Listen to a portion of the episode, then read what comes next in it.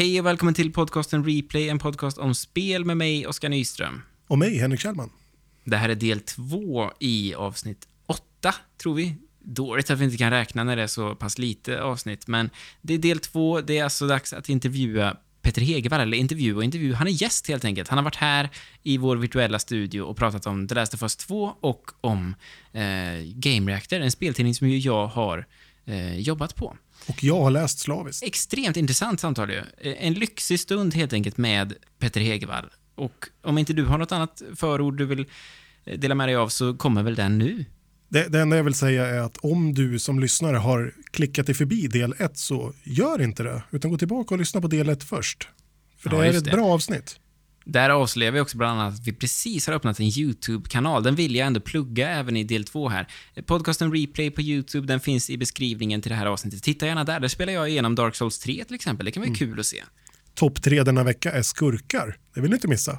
Ja, just det. Vi har en topplista varje, varje avsnitt och sådär.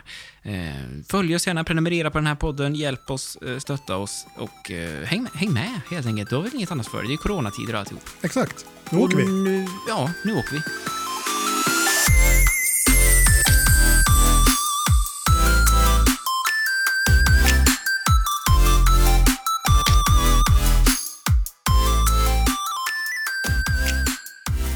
Okej, The Last of Us 2 har lanserats sju år efter sin föregångare och slagit ner som en bomb i spelvärlden, minst sagt. Kritikerna har gett det ett sammanlagt betyg om 9,4 på Metacritic och samtidigt så har det reviewbombats av 99 115 användare i pratande stund som tillsammans kommit fram till betyget 4,8. En som har delat ut högsta möjliga betyg till The Last of Us 2 är Game Reactors chefredaktör och min gamla arbetsgivare. Välkommen till Replay, Petter Hegvall. Tack. Tack. Varsågod. Och innan vi kommer in på The Last of Us 2, hur, hur är det med dig? Ja, men det är toppen det. Det, det är superfint. Jag, jag trodde inte... Det är ett par veckor nu sedan jag klarade det. Jag trodde väl aldrig att jag någonsin skulle vara sugen på att spela igen. Men idag har jag- det här suget börjat komma igen. Så att, eh, det vet jag inte riktigt vad jag ska tycka om ärligt talat. För det var... Ja. Men, men annars är det bra och det är väl bra det också på något sätt. Men det, det är nästan olustigt för att det var, det var så mörkt så att jag mådde dåligt efteråt. Men Jag håller med. Alltså, jag är på eh, samma upplevelse faktiskt. Det har inte gått riktigt lika lång tid för mig, men jag börjar lite smått känna det. jag hade också börjat fått suget igen. Ja, faktiskt. Ja, och den där, den där känslan, Peter, den kommer jag ihåg. Alltså, den känslan av att få ett spel som man verkligen har längtat efter veckor innan alla andra. Det var ju länge, länge sedan nu. Det är sex år sedan jag skrev för Game Reactor. Hur, hur, hur var den känslan den här gången, att sitta med ett spel som resten av världen väntar på?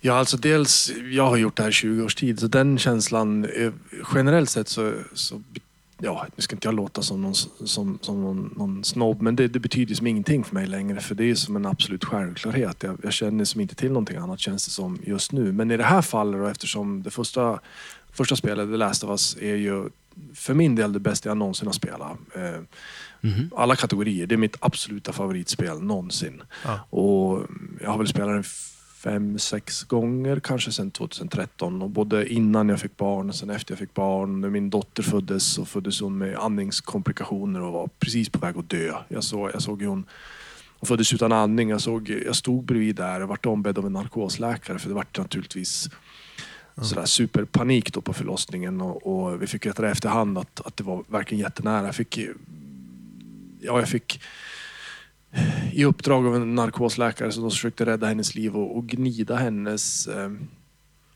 handflator, liksom insidan av hennes händer. Eh, och jag vet fortfarande idag inte varför, men där stod jag liksom och, och och hon hade ju, hennes puls var på väg att försvinna och hon hade ingen andning så att de försökte intubera hon där samtidigt. där tre kilos barnet liksom. Och, och det, det är de, de värsta 20 minuterna i mitt liv tror jag.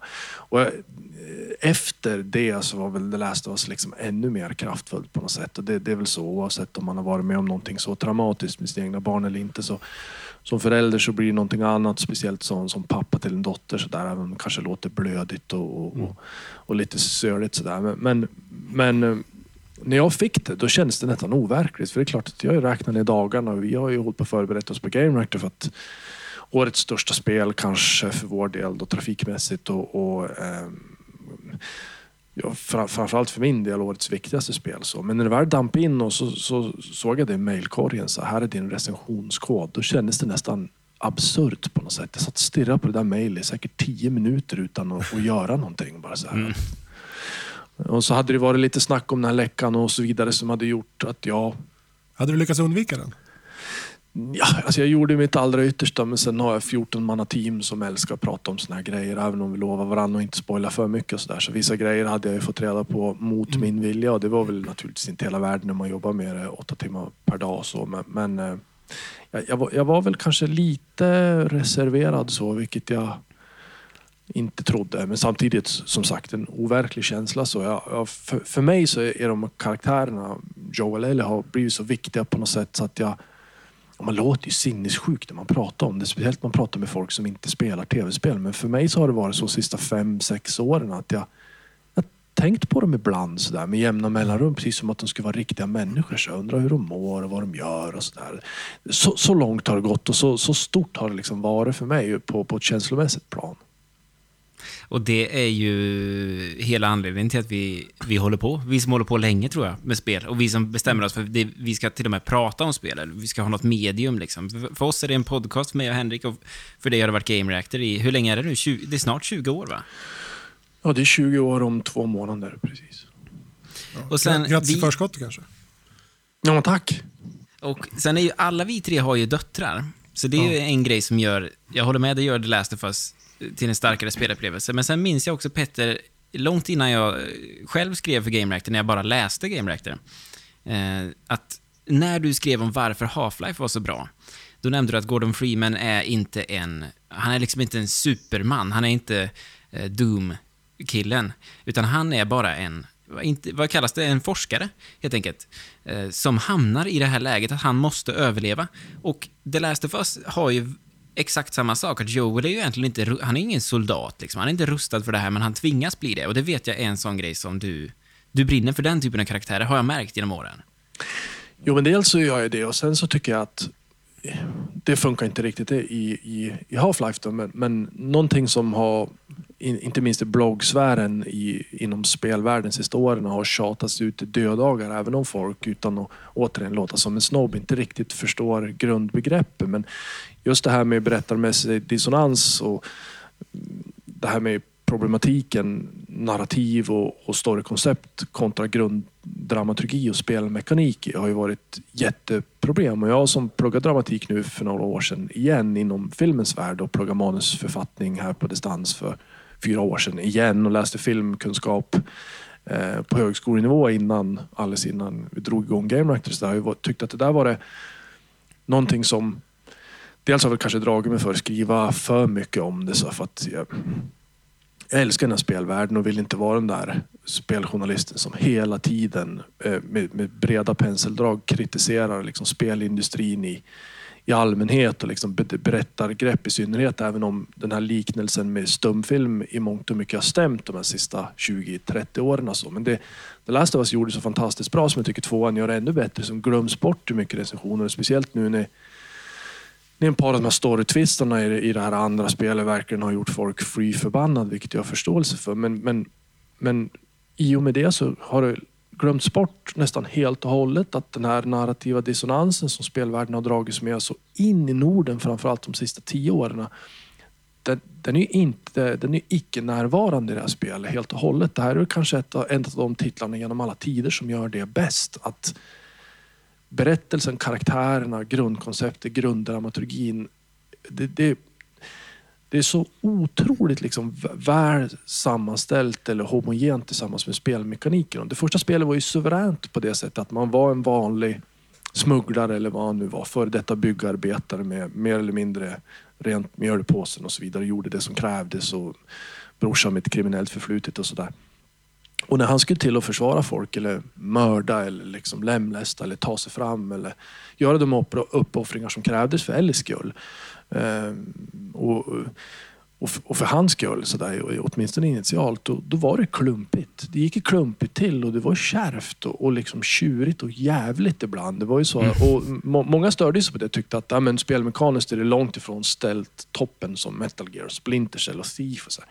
Mm. Men med tanke på hur extremt skickliga nått idag är och speciellt har varit de sista tio åren så utgick alltid jag ifrån att det var någonting som de gjorde med flit i allra, allra högsta grad. Och det bevisar de i tvåan att det var. Och här gör de det ännu bättre. Att det, det, man kan inte vara liksom Lara Croft och så ena sekunden är man oskuldsfull 16-åring och bara bölar i en mellansekvens och nästa gång då tar man ner 6000 så här lejda hejdukar med, med brandpilar. Och nästa mellansekvens då, då, då, är det precis som att det aldrig skulle ha hänt. Och Nathan Drake är ju ännu värre. Så där gradlynt popcorn kille som skrattar och har farfarströja. Och nästa sekund så han, han, det är ju folkmord. Han, han mördar ju mängder.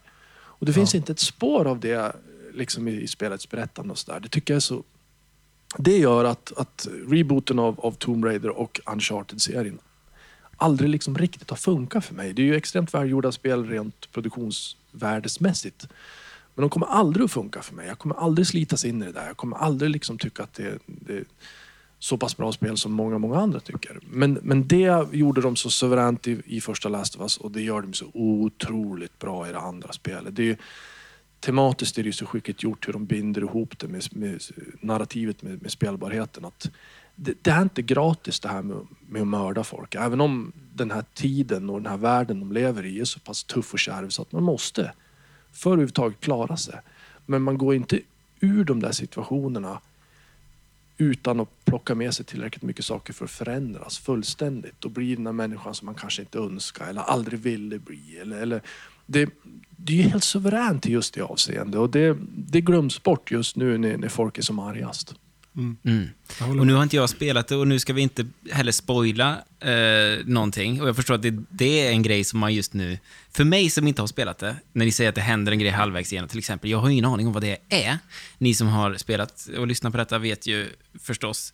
Eh, men en grej jag har läst nu om, om detta, liksom, och, och som jag har förstått är en av anledningarna till att det har fått 4,8 av communityt av, av nästan 100 000. Alltså strax under 100 000 användare som har ändå gått in och tryckt in nollan på Metacritic. Men då ska vi ändå veta att det har klättrat upp en hel del. Det var ju nere på två någonting från början. Så 4,8 det är ju Ja. snart acceptabelt.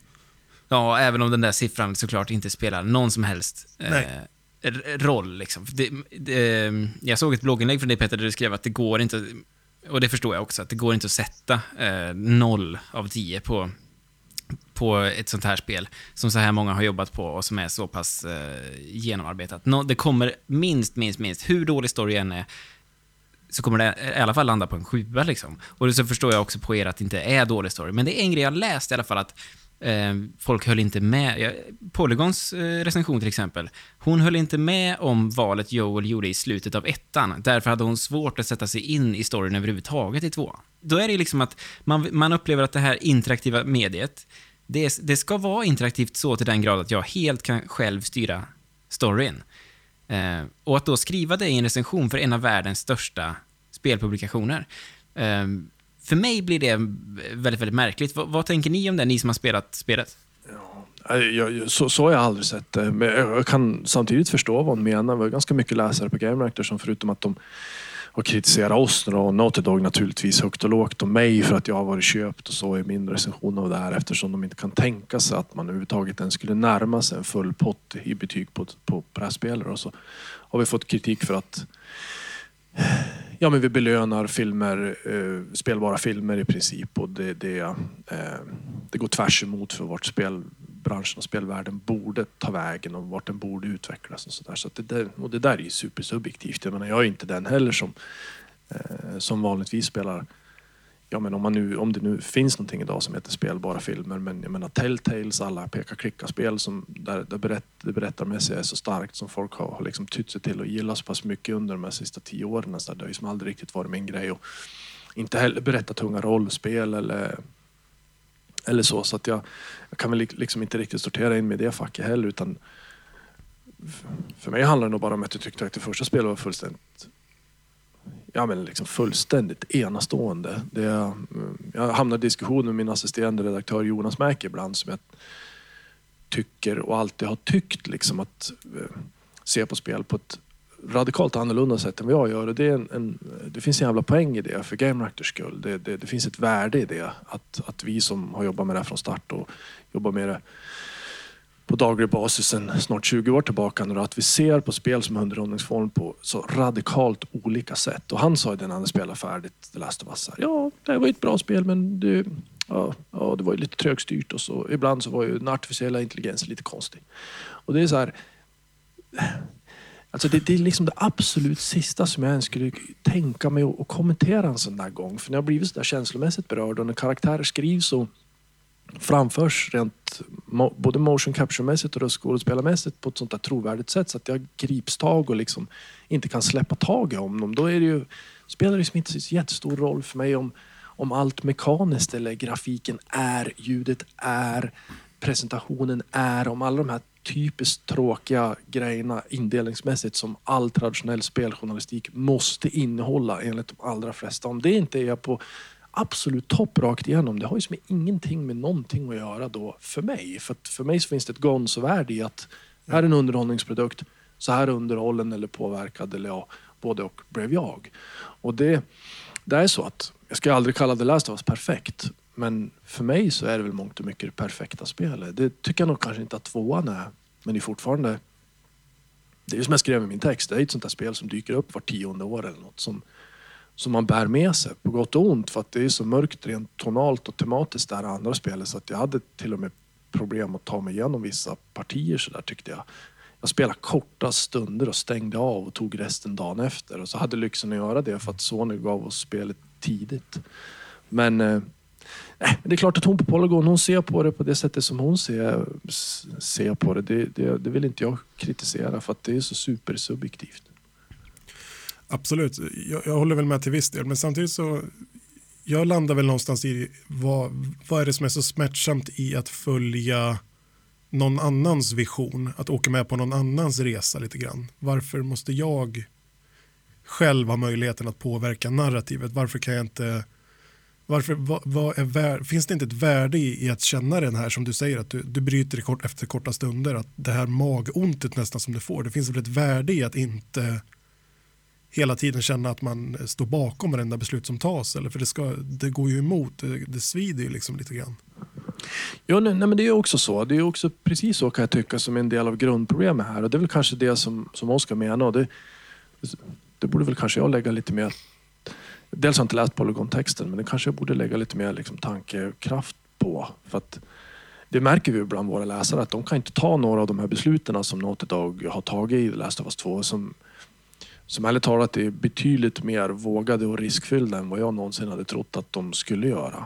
Eh, inklusive, det, ja, inklusive det jag hörde från, från den här läckan för ett par månader sedan. Jag, eh, jag skulle aldrig ha gjort det och då är inte jag någon spelproducent.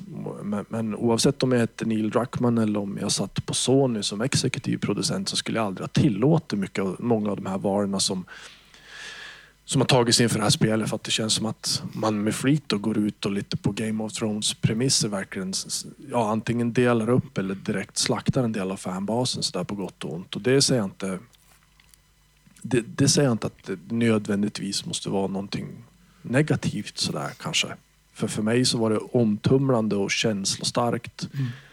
Vissa grejer håller jag inte riktigt med om i det här spelet men det är ju fortfarande som du är inne på. Det är inte det är som inte jag som ska bestämma den här resan. Jag är, jag är med på den och även om, om jag kanske i detalj hade önskat vissa andra saker så, så ja, jag vet inte. Jag skrev, en, jag skrev en del om det och, folk jämförde med The Last Jedi och hur Disney sådär sabbar Star Wars för mycket fans. Och, och där var jag lite butthurt, sådär fanboy som satt och grinade på, på sidolinjen och tyckte att framförallt Last Jedi ja, men inte, inte alls var den filmen som vi fans hade förtjänat. Där man levt med det där sedan man var fyra år gammal och köpt prylar och sett allting och var, var det, ja, men liksom haft det, i mitt fall åtminstone, som religion. Och så kommer den där filmen och sabbar så fruktansvärt mycket nästan se på det som man har. Men så fick jag backa från det där ett tag där och inse att jag satt lite för djupt i det där möjligtvis. Men, men jämförelsen tycker jag haltar på så många nivåer också. För att alla de riskfyllda val och så chockartade turer som den filmen tar för oss super Star Wars-fans det är bara dåligt. Liksom. Det känns som att man inte alls på något sätt respekterar det man har berättat tidigare och man har ingen som helst aning om vart man är på väg.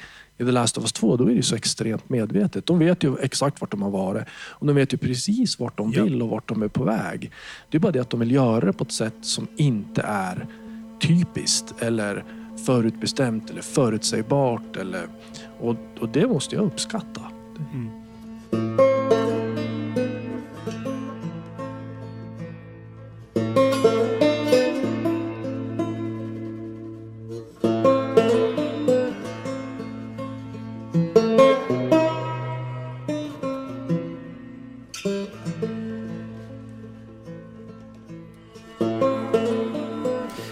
Vi pratade om för en liten, liten stund sedan, känns det nästan som att man har glömt bort hur, eller vad som hände med tv-serier för ungefär tio år sedan, Mad Men, Breaking Bad och så vidare, att allt handlade om antihjältar, jämt. Det är alltså det är huvudkaraktärer som vi empatiserar med, som vi hejar på, som gör Uh, illegala saker i samhället, som mördar folk, som, gör, som har isär sina familjer och sina vänskapsrelationer och sådär. Men de hejar vi på i det här. Och när det plötsligt flyttas in i spel så kan vi inte ställa upp på det än? För det är nytt för oss kanske i spelbranschen. Eller har det, har det funnits länge? Ja, alltså det, är väl, det, det, har det väl på ett sätt, men kanske inte åtminstone, kanske inte skrivet och, och, och liksom orkestrerat och skådespelat på ett sånt mänskligt sätt som i de här titlarna, åtminstone inte för min del. För det är ju det. Jag menar, ni, ni, nu ska vi inte spoila någonting, men när saker och ting börjar gå eh, åt skogen i Last of Us 2, då, åtminstone för min del, även om det var mycket saker som... Det var faktiskt ett par kvällar som jag låg och skrek åt TVn. Men, men det har ju också ett värde. Det har ju också ett värde för mig, så där, för de gjorde någonting av det. Det är inte bara så att de går in och sabbar som skaparna av Game of Thrones gjorde den åttonde säsongen för att det var slut på pengar, eller tid, eller ork eller lust. Utan de gör ju någonting av det, åtminstone för mig. Det fick någon slags mening, även om jag absolut inte trodde att det skulle bli så mörkt som det i slutändan var. Jag håller med att... helt och hållet där. Alltså för att till skillnad från Game of Thrones då, eller ja, vad man ska ta för exempel Star Wars, kanske framförallt Game of Thrones, så känns det ju, det, det, finns ju inte ett spår av att de här utvecklarna, Neil Druckmann och hans team, gör en high five liksom och shit, kolla vad vi kommer eh, skaka om vårt community nu, utan det är säkert ett otroligt svårt val de har valt att göra. Som har vägts fram och tillbaka en massa gånger och sådär. För att... Jo, men det, det här manuset skrevs väl för sex år sedan kan jag tänka mig. Ja, jag vet inget om det. Men jag, jag, jag, kan, jag, kan, bara, alltså jag kan bara föreställa mig att... Eh, ja, nej, men jag, jag skulle nästan vilja gå så långt. Jag kan tänka mig att typ Bruce Straley som ändå var, även om han och Neil Druckmann, eh, de var väl co-game directors tror jag. Eller om det var Straley som var game director och Neil Druckmann som var producer i det första spelet. Men men av den, den insynen som vi på Game Reactor hade i produktionen av det första spelet så var det ju Bruce som hade liksom ännu mer att säga till om. Bortsett från regin av motion caps sekvenserna. Och jag kan tänka mig att när Neil pitchade den här idén och fick igenom den eftersom han har varit så extremt betydelsefull för Naughty Dog som han har varit de sista 6-7 åren här. Eh, då kan jag tänka mig att det var en, en av anledningarna till varför Bruce stack. För det, det, det, det, är, jag tror att det är så pass kraftfullt och det märker vi på fansen nu. Jag har en kompis som flyttade ner till Stockholm och, och är lika gammal som mig, så jobba jobba jämt och så har han dubbelungar och så här. Men han ska absolut spela The Last of Us. Jag tror inte han har spelat någonting sen möjligtvis God of War till PS4. Och så köpte han det på releasedagen och sen så ringde han efter 45 minuter och så sa han det så här, Jag ska ha tag i kontaktuppgifterna till han som har producerat det här. ja, jag vet inte. så. ja, du får nog leta på nätet. Nej, du ska ge dem till mig nu. Och han, Mattias, var helt jävla utom sig. Jag har inte hört honom sådär arg på säkert 15 år. Han sa, jag ska ta kontakt med den här Neil. Vem det nu är. Sa han, för det här, det här går inte ostraffat. Det här går inte obemärkt förbi. Jag tänker definitivt inte fortsätta spela, sa han. Han var så arg så han liksom spottade i telefon. Jäklar. Och, och det, jag, jag, ja, det kan jag väl också förstå. Som sagt, jag, jag, det var den kvällen speciellt. Jag kan tänka mig om jag inte missminner mig, även kvällen efter. Så där, då hade jag en par riktiga haranger så där, där jag låg och skrek åt tvn. För det, Ja, men, men samtidigt, jag, menar, jag har ju gott om favoritfilmer som inte slutar som det var tänkt eller som kanske jag hade tänkt eller på ett lyckligt sätt eller där, där allting ordnar upp sig. Och, jag menar, vi vet ju hur, hur extremt fokuserade fokusgrupperna i Hollywood alltid är på att det ska finnas lyckliga slut. Och är det så att det inte finns det så får ju stora filmbolag oftast gå tillbaka och så får de köra reshoots och så får de klippa om sluten. För att det går inte det här att mm. det inte går som det var tänkt och att publiken inte får exakt det de ville ha eller kanske trodde att de ville ha. Men den där diskussionen kommer ju fortsätta finnas. Jag tycker bara att det är coolt att spel som ja, kultur eller som medium, att det kan att det kan vara någonting mer. Det låter superklyschigt där, men i det här fallet så kan det ju verkligen det. Det är ju verkligen någonting mer. Ja. Jag hade samma känsla för Red Dead Redemption 2, som jag spelade nyligen på PC eh, och klarade. Jag har kallat det för spel 2.0 rakt igenom i den här podden. Varje avsnitt tippar vi på något sätt kommit in i det. Um, där man kände att det här är någonting annat. Inget kan konkurrera med det här. Liksom. Men, och nu har ju ni hypat upp The Last of Us 2 för mig på ett sätt som inte som inte var möjligt. Jag har, ändå, jag har läst en recension Peter, jag har läst många recensioner av det här. Jag har hört Henrik eh, svamla i, i sms till mig om nätterna. Eh, och för mig att jag har det kvar nu, det är en sån jävla julklapp så det liknar ingenting. För det blir först i jul, det blir i samband med PS5 som jag kommer spela. Men vi har ju pratat om det, det är inte hållbart. Jag kommer ju bli tvungen att buda upp min PS4 till Karlstad så du får spela det här. Ja, jag sålde ju min Petter, vet du. Jag sålde min i samband med att jag fick tvillingar och tänkte jag att nu kommer jag inte hinna spela mer. Men hur, hur, hur har du kunnat hålla, alltså varit surfare när du inte har sett vad som har hänt? Ja, men jag, jag såg att den där läckan kom. Och så fort jag överhuvudtaget alltså, sett någon rubrik som handlar om The Last of Us 2 som inte har varit en recension, så har jag bara väjt bort med blicken. Liksom. Jag har inte kunnat gå in på Reddit heller. Jag har liksom fått, uh, jag har fått akta mig helt enkelt. Jag behöver ju bara alltså, titta det är så bisarrt. Jag tittar på om någon av tio trummis Youtube-kanaler som jag följer igår kväll och så låg jag och tittade igenom någon, någon, något klipp på någon trummis och då var det någon av kommentarerna som någon skrev så här. Fuck Naughty Dog, de, de gjorde så här. ja, vad sjukt. Shit. Ja.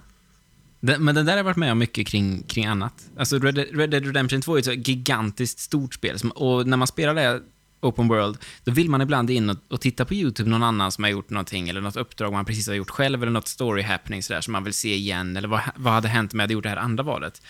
Men bara, bara det räcker ju att titta i, hög, i listan där till höger med eh, eh, liknande klipp då. Då ser man ju i rubriken massa spoilers. Så man får liksom hålla sig undan tills man vet att nu är jag färdig, nu är jag öppen för, för spoilers. Mm.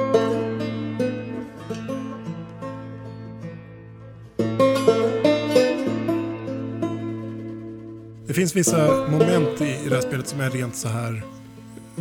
Det, om jag säger arbetsbänken, eh, förstår vad jag menar då? Liksom, hur mm. imponerande det är. Liksom, den kan inte jag riktigt sätta ord på. Jag har ingen aning om vad du pratar om. Nej, bra. Ja, jag håller med. I, i, I mångt och mycket så, det skriver jag i min text. Där. Det, det är också en grej som har förargat läsarna bortom all rimlighet. Och de, de gör saker i en Naughty Dog som, som ingen annan gör. Och är det någon som, som kommer nära då så är det Rockstar. Och även om jag tycker att Rockstar är världens bästa spelutvecklare generellt sett så tycker jag att de är inte riktigt där. Och även om jag tycker att Red Dead Redemption 2 är ett fullständigt fantastiskt spel så är de inte där. De har, de har sådana problem med Kill Your Darlings eh, eh epitetet i deras berättande. De drar, Dan Houser har alltid varit expert på att dra ut på saker liksom bortom all tänkbar rimlighet så att man sitter och spelar 35 timmar utan att veta vart man är på väg. Mm. Och det där spelet blev liksom för mycket av allt för min del. Istället för att liksom på något sätt försöka propella en berättelse framåt. Men, men Naughty Dog, och då är inte jag särskilt förtjust i Uncharted ärligt talat. Jag ser ju sådana sanslösa produktionsvärden även i det. Och min 8 av 10 på Uncharted 2 står sig som Game Reactors mest utskällda betyg genom alla tider. Vilket för mig är helt bisarrt. För det, det är liksom det är detsamma som jättebra, köp det. Men det räckte tydligen inte. Och, så att jag, ja, jag tycker att de gör saker som ingen annan gör. Det, det finns ja, men bara en sån här sak som att kliver man bakom en, speciellt en, en, en, en, en människofiende och inte liksom en en muterad zombieaktig gubbe i Last of Us 2. Så tar man ett strypgrepp och sätter pistolen mot tinningen sådär och försöker fösa sig framåt genom andra fiender med, med den som någon slags mänsklig sköld. roterar man kameran då, vilket gör att man per Ja. automatik blir skjuten för att då kan man inte styra eller riktigt. Men roterar man då kameran och tittar på ansiktsuttrycken hos den som, alltså fienden som man har tagit runt halsen och eller i sig. Tittar man på animationerna och mängden animationer som, som de använder sig av istället för att bara köra samma hela tiden. För kameran är ju trots allt placerad bakom en. Det är fullständigt, alltså jag kan tycka att det är nästan absurt ibland. Jag vet inte hur många variationer jag har sett på liksom just den här paniken och chocken och lidelsen och smärtan och allt som kommer på köpet. Och i hennes fall då ilskan såklart. Ja visst, och även i takedowns eh, ser man det väldigt tydligt. Sådär. Eh, Ja, Som är, som är nej, de, de, de, de, de, är, de är verkligen helt otroliga. Det, det, eh, det är de.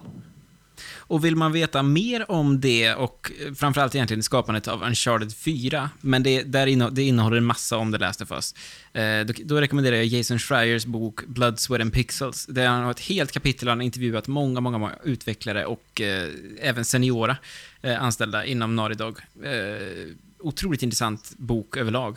Eh, Blood, Sweat and Pixels heter den. Petter, du pratade om Jonas Mäki förut. Det väckte ju minnen för mig. Jag jobbade på Game Reactor från 2011 till 2014 och jag kommer ihåg, jag var, jag var ju också assisterande reda- redaktör, men han hade ju varit det så länge så att i hierarkin så upplevde jag ju ändå att ja, men jag, jag ser upp till er, jag gör som, som ni säger. Och då kommer jag ihåg en gång så frågade jag Mäki, eh, eftersom det kommer mycket nyheter, vi som sitter i Sverige får nyheter på natten liksom. Eh, det, det var ju ett, en problematik som, som inte går att komma runt liksom, om vi inte är vakna på natten, vilket Mäki ofta är ändå. Men då sa han, du, du får väcka mig på ett villkor och det är att Half-Life 3 utannonseras. Och så utannonserades ju Half-Life Alyx för eh, något år sedan. Det kom ju snabbt efter sin utannonsering nämligen. Och då fick jag, eh, jag, jag, såg, jag gick in på Game Reactor direkt och så såg jag att det finns ingen nyhet än och så skrev jag till Mackie. Och det var som en liten seger efter fem års väntan. Fick jag äntligen dra det där jävla smset. Ja, det ser jag. Men det tror jag han nämnde faktiskt. Jag, jag var så uppe i hejsan då så att jag satt mest bara skrek liksom och krafsade parkett. Men det nämnde han tror jag. Ja. Nej, Hur, hur ser det ut för er idag? Hur ser ditt jobb som chefredaktör ut eh, idag? Vad har förändrats under de här sex åren sedan jag var där? Ja, det, det, det är ju... Eh, ja, vad ska jag säga? Utan att överdriva. Men visst är det helt annorlunda än... Eh, och vi saknar ju dig, det vet du ju hela tiden. Det, det, det var ju tider där tänkte jag säga, men det var det ju. Och då, Ja, gjorde vi ju, då gjorde vi papperstidningen och även om det innebar för, ja, men för mig och för Jonas och, och även naturligtvis för dig så innebar det att vi jobbade alldeles för mycket jämt. Det gjorde vi jämt från sent 2001 till 2014 eller 15 stängde vi ner papperstidningen tror jag, 2014. Slutet 2015 tror jag. Ja, 2000, ja det kan det stämma. Men det, det, var, det var en helt annan sak såklart, för det var vår huvudprodukt. Även om vår, vår, våra sista 18-20 månader med papperstidning så visste vi att slutet var nära. Liksom, och sajten hade tagit över fullständigt om man tittar på hur vi tjänar våra pengar och, och vart våra läsare ville hålla till. Men jag då som Ja, men som kommer från magasinsvängen och, och, och som har jobbat som reklamformgivare och läst typografi och sådär. För det var, ju min, det var ju min grej. Det, det var ju aldrig tänkt att jag skulle sitta på en sajt och försöka bygga community-funktioner. Det har liksom aldrig varit min grej och, och, och kommer väl kanske aldrig riktigt att bli heller, även fast jag idag har gjort det under lång tid. Men det, det ser ju ganska annorlunda ut. Vi jobbar ju mindre, även om vi jobbar liksom så det räcker. Och sen idag så finns vi ju i så pass många länder och har ju som kopplat ihop produkterna på ett helt annat sätt än när du var med. Eh, på gott och ont. Så att idag så sitter väl jag nästan Ja, om jag räknar in mitt team och sen alla team i alla andra länder och försöker få jobba med, med lite formdetaljer för alla och, och även lite formdetaljer liksom rent textmässigt och sådär. Försöker få alla att dra åt ungefär samma håll. Så jobbar jag väl mer administrativt än vad jag kanske skulle önska. Ja, Mm. mycket, mycket mer. Och det kan man väl säga nu i backspegeln också att, eh, kan man väl erkänna att ett litet hinder för oss eh, var ju att eh, Xbox One skulle lanseras i hela världen, förutom i typ sex länder, varav eh, Sverige var ett av dem. Vilket gjorde att extremt många annonsörer kände att vi kan ju inte gå i en, i en svensk speltidning. Eh, 2014 alltså. Mm. Eh, så det var ju ett stort bekymmer då. Jag vet inte, får jag ta med det eller? Ja, ja, ja. Att det var men så? Så var det ju. Och, och det, det var ett tufft år för oss. Och där, i, I mångt och mycket så har ju affärsmodellen våran har ju varit ganska solklar från i och med att vi började expandera utanför Norden för ja, men snart 15 år sedan. Att eh, Finns det ett överflöd i ett land så förs det över på ett land där det inte finns tillräckligt. Och så Mm. kan jag, det kan jag väl tycka är kanske lite tråkigt ibland när mitt team Game Reactor Sverige är fortfarande överlägset störst. Inklusive Game Reactor UK och Game Reactor Tyskland. Som borde egentligen, med tanke på att de har funnits i tio år vardera, de två sajterna. Och tidigare även tidningar. Borde ju vara, utan att för den skull återigen låta som en stropp, tusen gånger större än vad vi är. Det finns jättelite logik eller ens rim och reson i det kan jag tycka. Där om man, man verkligen ska vara helt ärlig. Men det handlar väl mångt och mycket om att vi och absolut inklusive dig Oskar, vi har, vi har jobbat på ett annat sätt och vi har jobbat jävligt aktivt. Vi har byggt personkult och vi har varit jättepersonliga och släppt in läsarna på ett sätt. och, och och tidningen har ju liksom alltid, den byggde vi i Sverige och sen så skickade vi runt mallar till de andra länderna så att den var ju himla svenskifierad, även om det inte kanske märktes rent redaktionellt på det urval vi gjorde av spel med just vår intern humor och ja, men hur vi delar in olika avdelningar och, och hur vi inte delar in andra avdelningar och så vidare. Så vidare, så vidare. Så, så det, det, affärsmodellen har väl varit bra får man väl lov att säga med tanke på att vi idag är i 15 länder inklusive nylanserade Kina och kämpar på medan massa konkurrenter har försvunnit och sådär. Samtidigt så, ja. I det där fallet, det sista du minns där, så var det ju ett tufft år. Jag tyckte att det var, jag minns jag tyckte det var helt, ja, men det var så jäkla det kändes så, så jäkla segt på något sätt. Att det var ett par länder i hela världen som inte fick en ny konsol och, och vi var ett av dem. Mm. Och ändå hade den såldes ju på Elgiganten, kommer jag ihåg. Ja, ja, ja. Det var så bekymmer. ja, men det var så Men fantastiskt. Officiellt så fanns den inte. Nej men visst, det var så fantastiskt bisarrt. Vi hade ju en konsol så där och fick tag på spel från ja, en speciellt utgivare som höll till utanför Norden och så. Men, men, men så var det precis som att den inte existerade när man pratade med dem här i Sverige. Så, nej, det, var- det var en bisarr tid och, och det, det är knappast den mest bizarra de mest bisarra momenten eller samlingmoment eller, eller period i Game Reactors historia. Någon gång så ska jag skriva om allt knäppt som har hänt så där både internt och externt och, och det tror jag kommer bli rolig läsning för de som har hängt med under alla år eller, eller så är jag fast i min egen lilla bubbla och så tror jag bara det. Men, men, men visst. Det, det tror jag definitivt. Petter, vi ska alldeles strax släppa det. Jag har två korta frågor kvar. Om inte du, Henrik, har också någon, någon kort fråga. Men jag undrar nu när The Last of Us 2 har släppts, vilket är ditt favoritspel idag? Nu, nu ska inte jag, man ska aldrig säga aldrig, för jag trodde nog aldrig att någonting skulle kunna rucka på Half-Life. För det spelet det förändrar så mycket för mig på något sätt. Och jag vet inte katten ärligt talat, utan att överdriva, om jag, om jag hade liksom ens jobba ihop min tidningsdumme där i ja, men den vevan då efter jag hade spelat Half-Life. Och jag var ju spelintresserad naturligtvis långt innan dess. Men jag vet ärligt talat inte om man hade blivit, miss, blivit någon missil som jag sålde till sprayägda eh, tidningsförlag i Cirkus Media.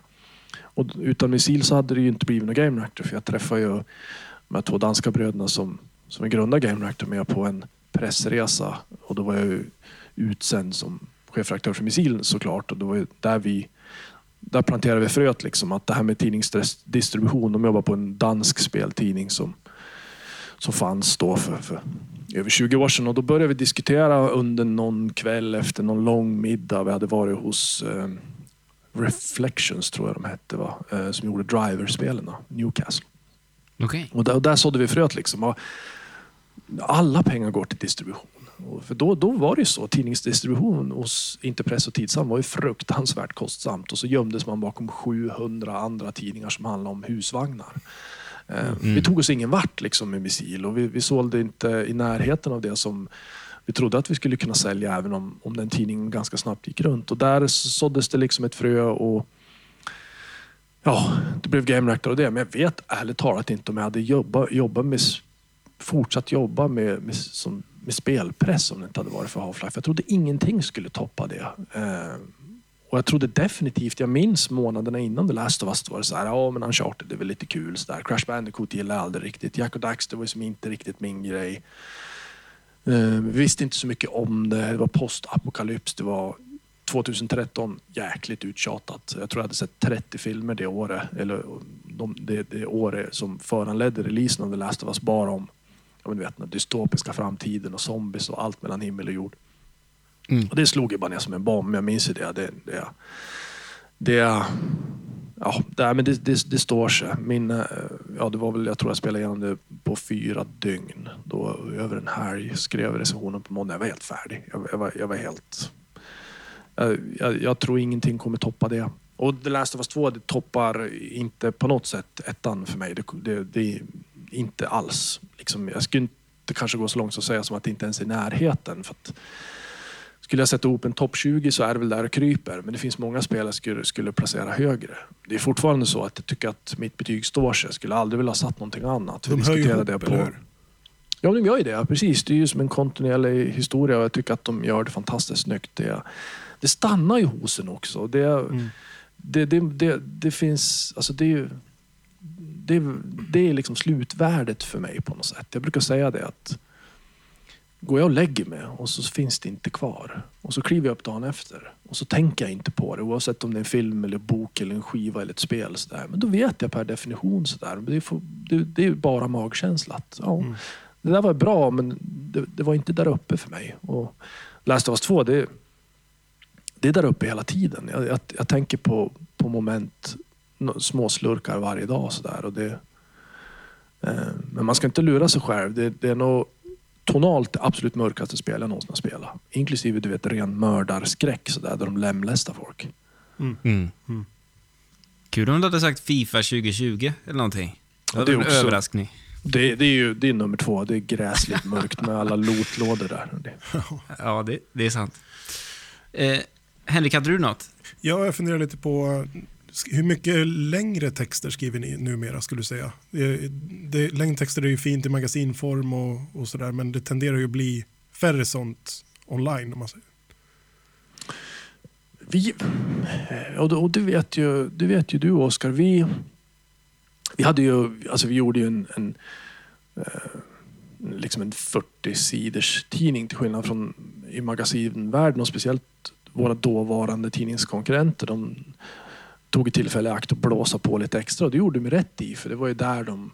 Gjorde inte Bengt Lemne en helt sjuk grej om Metal Gear? Och Jonas Elving om Sonic va? Alltså så här otroligt många tecken. Ja... Du vet, det är den gamla, alltså det, om, jag får, om jag får svara på frågan åt dig, eller jag får gissa åt dig, då tänker jag så att du skriver ju fortfarande långa artiklar. Men de här lite yngre i din redaktion kommer inte alls från den Nej. världen. Liksom. Nej, men så är det och jag skriver ju inte riktigt lika långt som jag en gång gjorde heller. Men i tidningen så var vi aldrig superlånga. Då såg vi det som att vi kunde dra in folk på sajten via tidningen, även om tidningen var vår huvudprodukt som sagt. Och vi var ju liksom alltid mer ingående på sajten. Vi har ju gamla recensioner från 15 år sedan som är liksom 35 000 tecken inklusive mellanslag. Mm. Det skriver vi aldrig idag. Det publicerar inte jag idag. Det är ingen som läser det idag. Nej. Mikael Sundbergs Elder Scrolls 4 Oblivion-recension. Är, är den fortfarande för övrigt den mest lästa någonsin? Den, den hade ju en otrolig siffra, kommer jag ihåg. Ja, det hade, den var ju länge absolut helt ohotad. Det var ju han också som Malle över i, i många år. Och, och det, det, det gjorde han ju, eller det var han ju förtjänt av naturligtvis. En superduktig skribent som också har varit instrumental för, för Game Reactor och Game Reactors utveckling genom åren. Men den är inte ens topp fem idag längre. Så att den, okay. jag tror, tror mm. att den är nere på, jag kollade där bara för, för förra veckan, nere på åttonde, nionde plats eller något. Men vi, mm. nej, men jag tror vi skriver kortare texter idag än vad vi någonsin har gjort. Mm. Det är snabbare, kortare nyheter. Mina, min, min blogginlägg har jag, mina, min, min blogg har alltid varit liksom sen maj 2006 har alltid varit kort nonsens-trams bara. Men jag tror att det är också, om man skulle mäta det kortare än, än vad det någonsin har varit, liksom ännu snabbare grejer. Och GRTV gör snabbare klipp. Eh, vi försöker hålla ner recensionerna lite grann för vi märker att det läses mer. Eh, och det, ja, jag kan väl tycka lite si och så om det, men, men eh, samtidigt är det ju skönt. Ibland känns det som att jag, den här spiksoppan som jag mångt och mycket har kokat i 20 års tid, den, den, jag är nere liksom på sista skeden. Mm. Men mm. Eh, lä, läser du själv längre texter? Jag, tänker, jag är ett stort fan av till exempel men offside när jag läser fotboll. Då är väldigt långa, långsamma reportage och filter är också väldigt bra. Level finns ju inte längre. Eh, det finns ju ingen direkt spelpublikation så, som, som man kan hitta i butik idag. Nej. Har du något tips ja, alltså, vart man kan hitta den typen av texter? Finns det någon, någon svensk publikation fortfarande? Nej, det skulle jag nog... Att, ja, jag, jag är kanske fel person att svara på det, men, men, men Level de var ju smarta ganska länge och det minns ju du Oskar. Och jag som chefredaktör så var ju det naturligtvis det enda rätta att göra för, för deras del. Det var ju strategiskt supersmart. Det var helt rätt att vi var bite size och de ville vara djupa, djuplodande. Eh, De var medvetet lite pretentiösa och såg spel mycket mer som en konstform och vi fick bli den här liksom Call of Duty casual-tidningen. Även om, om den beskrivningen aldrig riktigt har stämt på vad Game Reactor är så har jag ändå förstått vad folk har menat. Det, det, de gjorde ju någonting ja, men liksom radikalt annorlunda mot för vad vi gjorde och det var alltid bra. Vi, vi behövde inte vara in och, och grotta i, i varandras grejer eller liksom tävla om exakt samma läsare eller så, där, så det var ju bra. Men jag läser väl kanske inte jättemycket längre speltexter. Jag gillar Polygon även om jag ibland tycker att deras agenda blir tröttsam. Men jag, jag tycker att när de går på djupet så kan det vara jäkligt, jäkligt bra. Jag gillar Wired, min favorittidning och har varit i jag vet inte hur många år. Och oavsett om det handlar om oavsett vad det handlar om, om det är rena teknikfrågor eller om det är fan miljöförstörelse eller vad det än är så läser jag, lusläser jag det jag har gjort i snart 15 års tid. Men, men eh, eh, nej, inte jättemycket annars. Jag är likadan nu alltså. Att jag, jag, om jag märker, det kan vara vad som helst. Jason Schreier, återigen, hans eh, Zelda Breath of the Wild-recension. Alltså den är så lång. Så att det är liksom... Den tiden finns inte riktigt längre. Det, det, det är någonstans där poddar kommer in också. Det är någonting man kan göra samtidigt. Visst. Jag vet att Kotaku till och med läste upp sin recension av Red Dead Redemption 2. Ganska långt avsnitt också, 20 minuter långt avsnitt typ, där Kirk Hamilton läser sin egen recension av det här spelet. Och 20 minuter sitta framför skärmen och bara liksom läsa. Jag vet, jag vet inte längre. Där tror jag det är rätt val, alltså försöka hålla sig aningen kortare, mer diskussion. Det är lika intressant nu för tiden vad som händer i kommentarsfältet ju, som det som händer i huvudstycket, så att säga.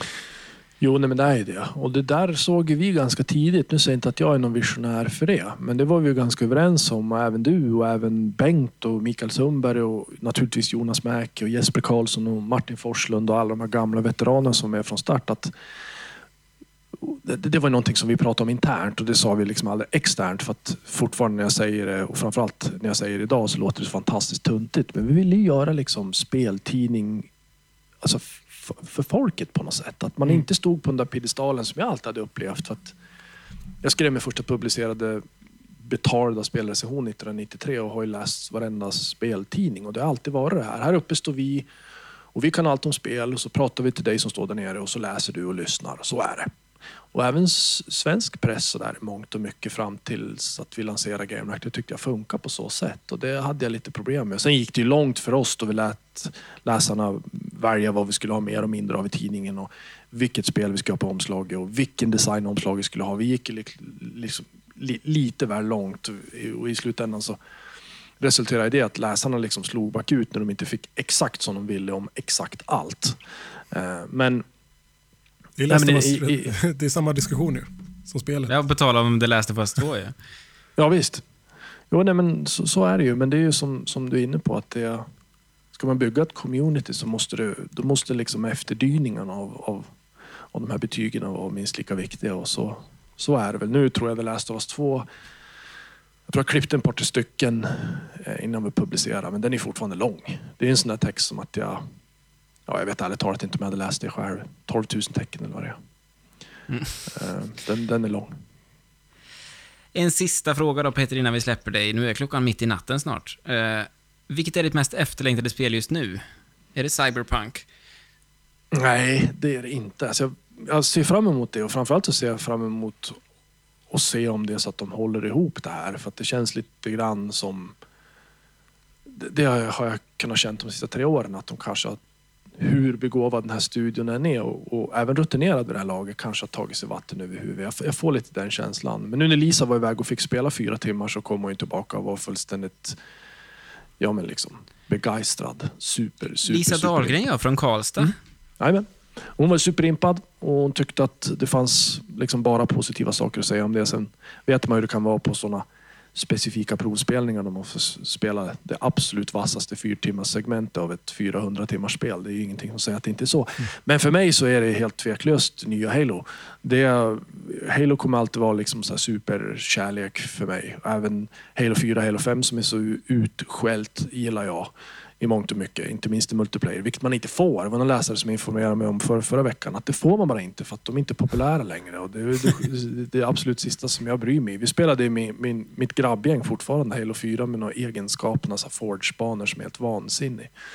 Och jag, jag ser så otroligt mycket från någon slags ser så otroligt mycket fram emot någon slags soft reboot och att de återgår till grundvärdena som alltid gjorde Halo till Halo, åtminstone de tre första spelen. Och multiplayer och Forge och fyra player split screen, System Link med nya Xboxen och kunna köra två Xboxar här i mitt kråkslott och bara vräka in grabbgäng och köra fyra mot fyra. Och så, så. Det är ingenting som, som jag längtar så mycket efter som det. Mm. Underbart. Petter, du ska ha tusen, tusen tack för att du var med. Du, du är välkommen Verkligen. när som helst att komma tillbaka. Ja, men gör det Eh, gärna. Finns det något spel du tycker vi borde spela? Vi, den här podden funkar ju som så. Du har gjort omslaget förresten till den här podcasten. Om man, Just titt- om man trycker på sin knapp i telefonen. Ja, Ja, tusen tack tack, för det. Det funkar ju så att vi kan spela vad som helst. Vi kan spela något nytt som The Last of Us 2, eller vi kan spela något riktigt gammalt. Förra veckan handlade det om Super Mario 64 till exempel. Finns det något spel du skulle vilja vara med i en diskussion om i ett avsnitt framöver? Ja, alltså det finns ju så många. Det finns ju hur många som helst. Eh, Championship Manager Mm. 0304 till exempel. Ja, det är inte med där. Det, det, det, är, bara, det, är, Skönt att du bara, är på min sida där. det bara 0708 som nej. Skulle jag Ja. behöva spela det, då, då, då vet katten, den podcasten skulle bli jättearg. Svart hål. Nej, men jag kan vara med på vad som helst. Nu vet jag att jag inte spelar mycket racingspel, men det är det enda jag har gjort sista året i princip. Och byggt racingsimulatorer och hållit på. Det, det, börjar, det, det går, har ju gått fullständigt överstyr som det mesta jag gör. Tusen procent eller noll. Och i det här fallet så är det definitivt tusen. Men annars är jag med och pratar om Alltså jag menar, jag har ju så mycket favoritspelserier sådär som jag brinner för och inte bara Halo och Half-Life utan GTA och så vidare. Och så vidare, och så vidare. Och Wipeout och allt vad tusan det är. Så jag, jag, jag är med på allt. Något som jag tycker att ni ska spela och prata om, det är svenska Huntdown. För det är, förutom Last of Us, det är den häftigaste spelupplevelsen för mig hittills i år. Okej, Mhm. Visste du det Henrik? Vet du något om det? ingenting. Nej, inte jag Fyra, heller. fyra stycken glada grabbar i min ålder som bara för fyra år sedan bestämde sig för att de skulle försöka hedra sitt Amiga-arv och hänga på retrotrenden och göra liksom en klockren sån Amiga-hyllning. Så satte de ihop Huntdown, fick finansiering i slutet i början då, om jag har förstått det rätt, och körde med sina heltidsjobb och familjer och allt och hobbys och allt mellan himmel och jord. Så försökte de sy ihop det här på fritid. Fick finansiering via Coffee Stain och, och Ja. vi satte, eh, Joakim Sjögren hos mig satte 10 av 10 på det där för en månad sedan och jag skulle sätta exakt samma betyg. Jag spelar igenom det fyra eller fem gånger nu och bara fortsätter och fortsätter. Och nu växte jag upp min Amiga 500 i och för sig på mitt pojkrum men det är någonting alldeles, alldeles visst med det spelet. Det är retro, liksom flört blir aldrig bättre än så tycker jag. Okej. Finns det i Switch också, Henrik? Oj, oj, oj. Eh, vad, vad snackar vi för längd ungefär? Ja, jag spelar väl... Det är ju svårt, Ja. precis som alla gamla Amiga-spel var. Men fyra timmar, kanske fem. Ja. Ja, men ska vi göra så, Henrik? Till nästa avsnitt, så nu slopar vi Dr. Langeskov, eller vad fan det heter, det som vi skulle spela egentligen. Du bara drar och så ifrån det, väljer vi alltså. Huntdown. Det är ett beslut vi kan ta när vi har lagt på här med Petter, så behöver inte han få veta hur det blir.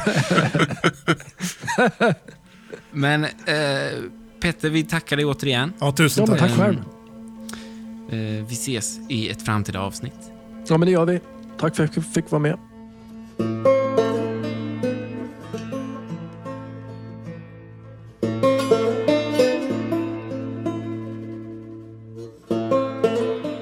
Hur kändes det där? Nöjd eller? Eh, verkligen. Känns som en lyxhistoria. Känns som att vi har fått en ny, eh, en ny programledare till podden. På ett sätt. Det känns som att vi har blivit viljade en seans på något sätt också, eller hur? Känner du det? Eh, utveckla. Ja, men att man, liksom, man fick tillåtelse att slå sig ner med, med ett sånt, eh, ändå ett orakel i spelbranschen, måste man ändå säga. Ja. Nej, det, är, det är alltid ett nöje att få prata med Petter. Ehm, och kul också nu, återigen sex år senare för min del, kul att få en liten inblick igen i spelbranschen och få höra hur det funkar nu. Och vi ser fram emot att få Petter tillbaka som, som gäst vad det lider. Mm, verkligen.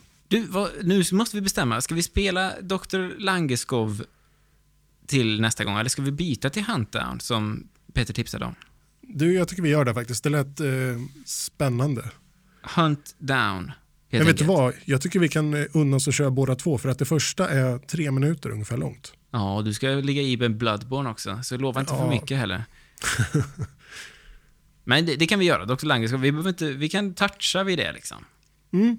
Ja, men jag eh, tänker det kan leda in till lite goda diskussioner framöver. Så i, om två veckor nu, för dig som prenumererar och är med oss vad det lider, då blir det alltså Bloodborne, Huntdown och Dr. Langeskov. Ja, men det är en betydligt längre titel än så. Men Ja, men det är ingen som kan den. Eh, Men det är ett gratisspel alltså. Av, och bara för att teasa er lite grann, det är alltså samma person som har gjort The Stanley Parable. Som nu har släppt ett till roligt spel. Så att eh, det kanske lockar mer än själva titeln. Kanske. Förhoppningsvis. Du, ha det bra så länge. Du med? Vad jag segt. Är du sjuk? Dra ihop det. är du sjuk fortfarande, Henrik? Ja, jag mår inte bra. Nej, jag hör det. Nu pratar du danska också. Det är inget bra tecken. Du, vi ses på andra sidan. Ta hand om dig i Bloodborne. Ska, så sjuk är jag inte. Att vi behöver ses på andra sidan. sidan. Det hade varit ganska kallt av mig att lägga på också och säga så. Hörru du, hej då! Hej!